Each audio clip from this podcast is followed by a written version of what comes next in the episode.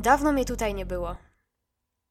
Musiałam sobie przemyśleć parę spraw, ale też zająć się studiami, pójść do pracy na dodatkową zmianę, bo zbieram na rower i psa. Musiałam też odpocząć, odchorować, zrobić jogę, e, poczytać książkę na poprawę nastroju oraz, uwaga, uwaga, znaleźć psychoterapeutę. Doszłam do wniosku, że jeżeli nie zacznę do niego chodzić w tym roku, to 22 w niczym nie będzie lepszy od 21. Mam wrażenie, że w 21 więcej planowałam niż działałam.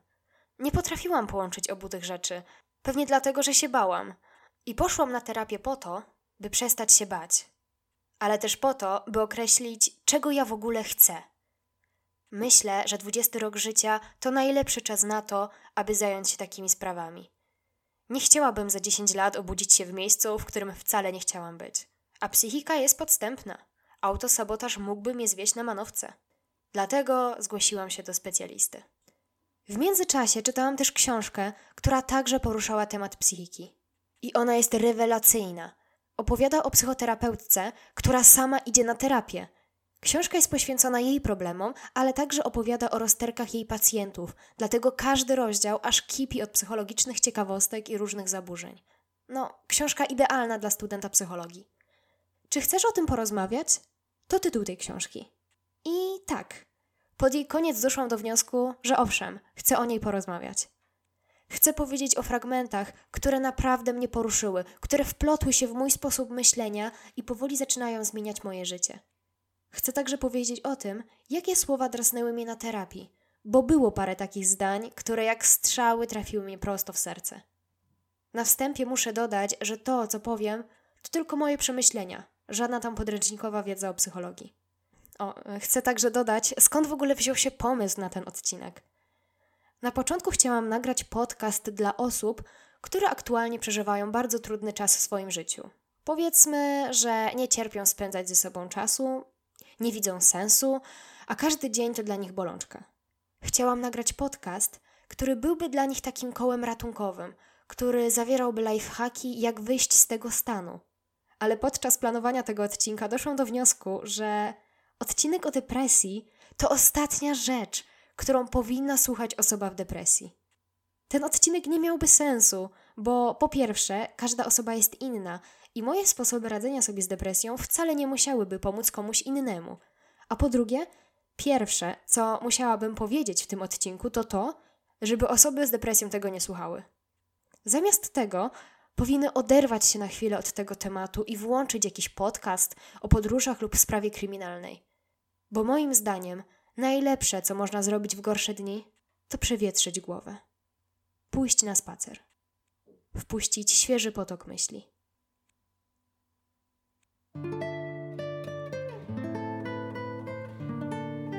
Życie to szwedzki stół. Mogę z niego brać, co tylko chcę, ale nic nie muszę.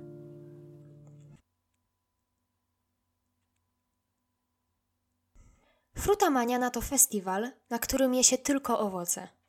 Tak naprawdę, kupując bilet, płaci się właśnie za te owoce, które można jeść bez ograniczeń. Pozostałe atrakcje, jak wykłady, zajęcia jogi, rozmowy w grupie, tańce i koncerty są darmowe. Wyobraźcie to sobie. Pole namiotowe obok stawu. Dookoła was las i ludzie, którzy drzemią na hamakach, wcinają arbuzy, grają na bębnach i przede wszystkim się uśmiechają. Jeśli jest wam za ciepło, to możecie wskoczyć do tego stawu i popływać wśród lilii. Albo wejść do rzeki, gdzie inni ludzie kąpią się nago. A jeśli wolicie polenić się na słońcu, możecie rozłożyć kocyk na trawie i słuchać ciekawych wykładów, wcinając przy tym truskaweczki, czy co tam wolicie. No istny raj. Powrót do dzieciństwa. Najlepsze w tym wszystkim jest to, że przez całe trzy dni jesteście na zewnątrz. Nie możecie iść do domu, kiedy uznacie, że macie już dość – nie możecie pracować, gdy wam się zacznie nudzić, ani wejść na Instagrama, bo w tej dziczy nie ma zasięgu. W chwilach nudy jesteście skazani na samych siebie. I pewnie taki był zamysł tego festiwalu, by odciąć się od rozpraszaczy i w końcu spotkać się z samym sobą. No i ja się spotkałam i Chryste, ze mnie wyszedł jakiś potwór. Pomiędzy zajęciami z jogi, a wykładami o duchowym spokoju i harmonii byłam wulkanem strachu, smutku i cierpienia – w każdej wolnej chwili kąsały mnie złośliwe myśli i uszczypliwe uwagi, które, rzecz jasna, kierowałam do samej siebie. a do największego cierpienia doprowadzali mnie ci uśmiechnięci ludzie. Ich widok sprawiał, że czułam się jeszcze gorzej, bo im zazdrościłam. Boże, to było okropne. Zazdrościłam im tego, że potrafią być szczęśliwi, bo ja, pomimo niesamowitej otoczki tego festiwalu, nie byłam. Kilka miesięcy później, tak dokładnie to na początku stycznia, postanowiłam, że wrócę na terapię. I tak podczas pierwszego spotkania wspomniałam terapeutce o frutamanianie i o tym, jak bardzo wtedy cierpiałam. Oczywiście ona zapytała, dlaczego? Powiedziałam jej więc, że widok szczęśliwych ludzi był dla mnie dobijający, bo ja nie potrafiłam cieszyć się tak jak oni. Nie byłam w stanie brać udziału we wszystkich atrakcjach, bo czułam się tak przytłoczona. W najgorszych chwilach szłam na samotny spacer albo wracałam do namiotu. A przecież chciałam bawić się tak dobrze, jak inni. Wtedy ona powiedziała: Życie to szwedzki stół. Wie pani, jak on wygląda, prawda? Jest bogaty w najróżniejsze potrawy. Jeśli ma pani ochotę spróbować jednej z nich, to może pani podejść i sobie ją zabrać. Ale nic pani nie musi. Nie musi pani próbować wszystkiego tylko dlatego, że jest. Życie to szwedzki stół, a pani częstuje się tylko tym, na co ma ochotę. Tą metaforą chciała mi powiedzieć, że nic nie szkodzi, że nie wykorzystałam festiwalu na 100%. Przeżyłam to, co chciałam przeżyć, a reszta najwidoczniej nie była mi wtedy potrzebna albo mnie przerastała.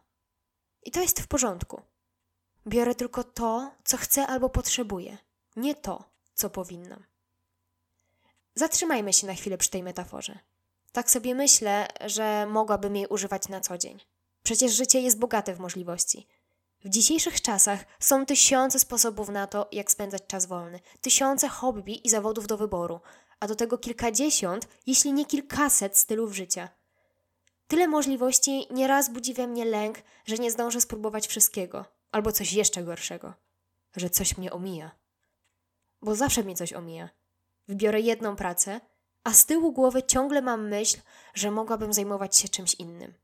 Pójdę na łyżwy i mam żal, że nie jestem w górach. Spędzam wieczór w domu, a w myślach tańczę w klubie i piję drinki. Przecież ja nawet nie lubię klubów. Rozumiecie? Życie jak szwedzki stół jest bogate w możliwości, ale my przecież i tak nie wszystko lubimy. Nie musimy próbować wszystkiego. Nasz przyjaciel może naładować sobie talerz ciastkami, a my weźmiemy tylko zupę, bo mamy ochotę się rozgrzać i zresztą lubimy pomidorową, a po słodyczach boli nas brzuch.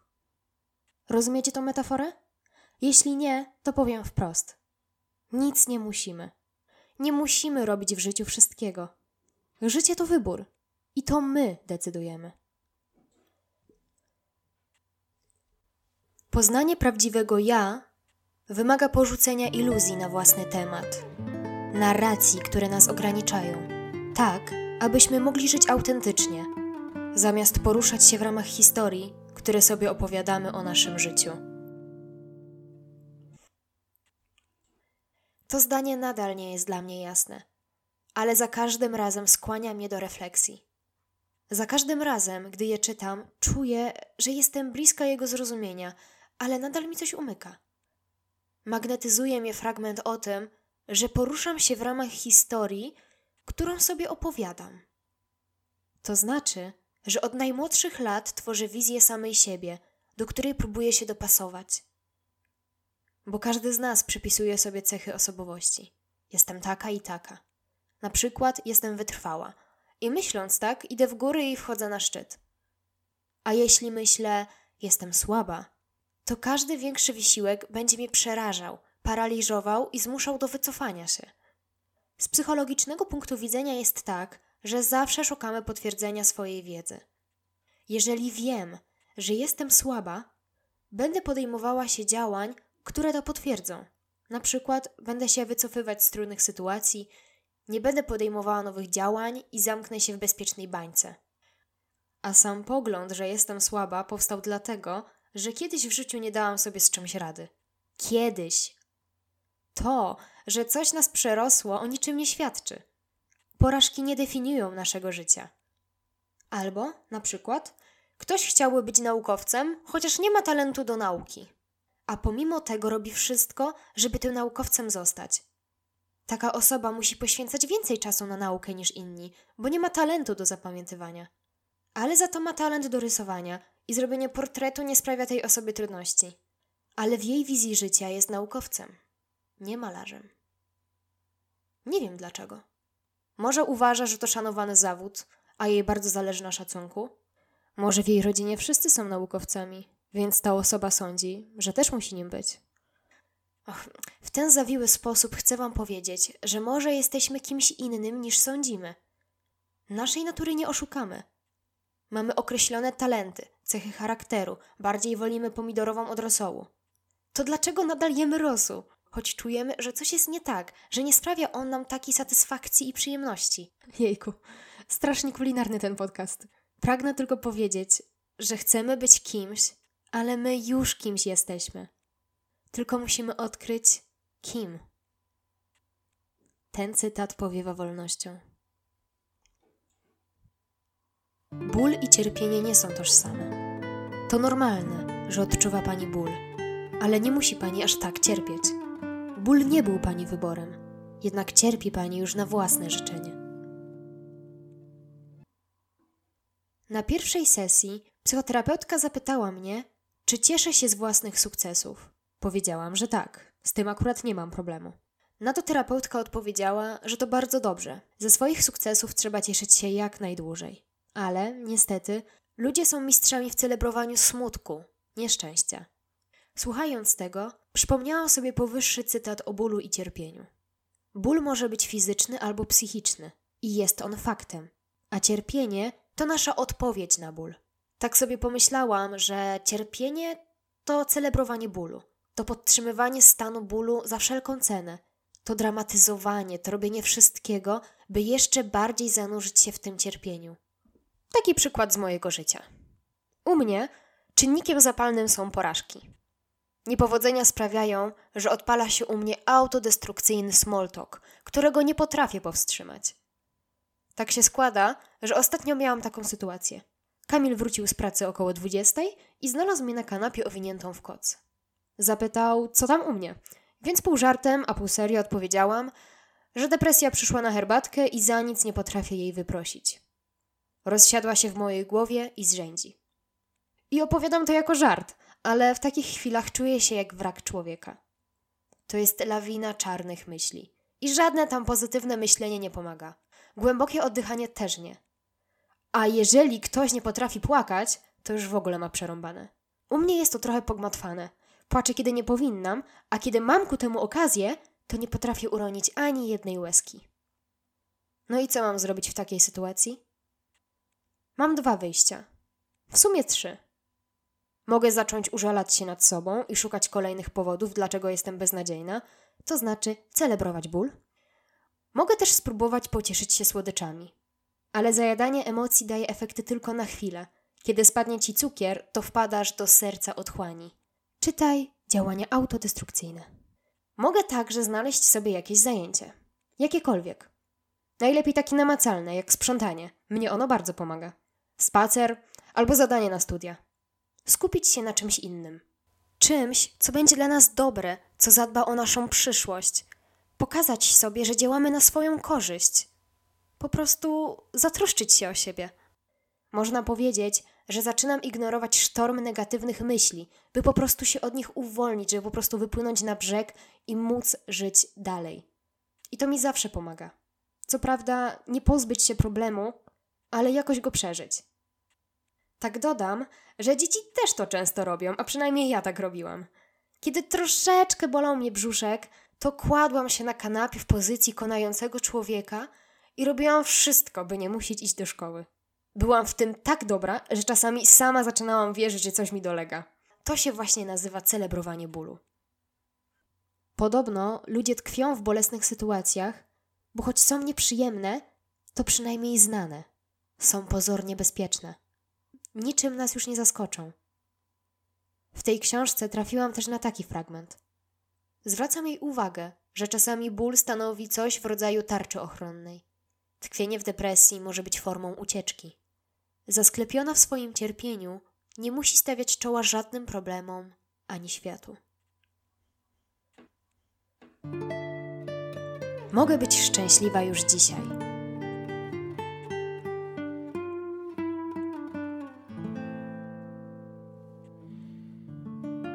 To chyba najlepsze, co ostatnio usłyszałam. Nawet nie pamiętam skąd są te słowa, ale to właśnie z nimi chciałabym Was zostawić.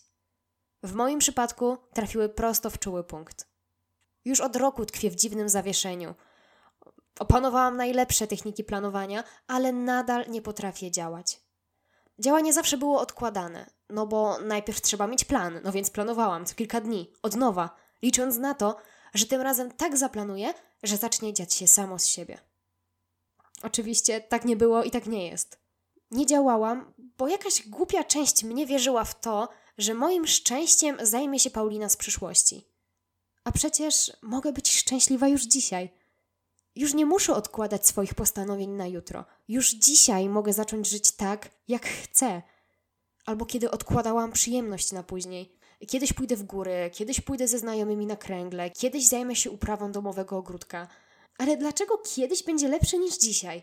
Już dzisiaj mogę to zrobić. Jakie to banalne, prawda? A ile zmienia w życiu, gdy weźmie się to sobie do serca.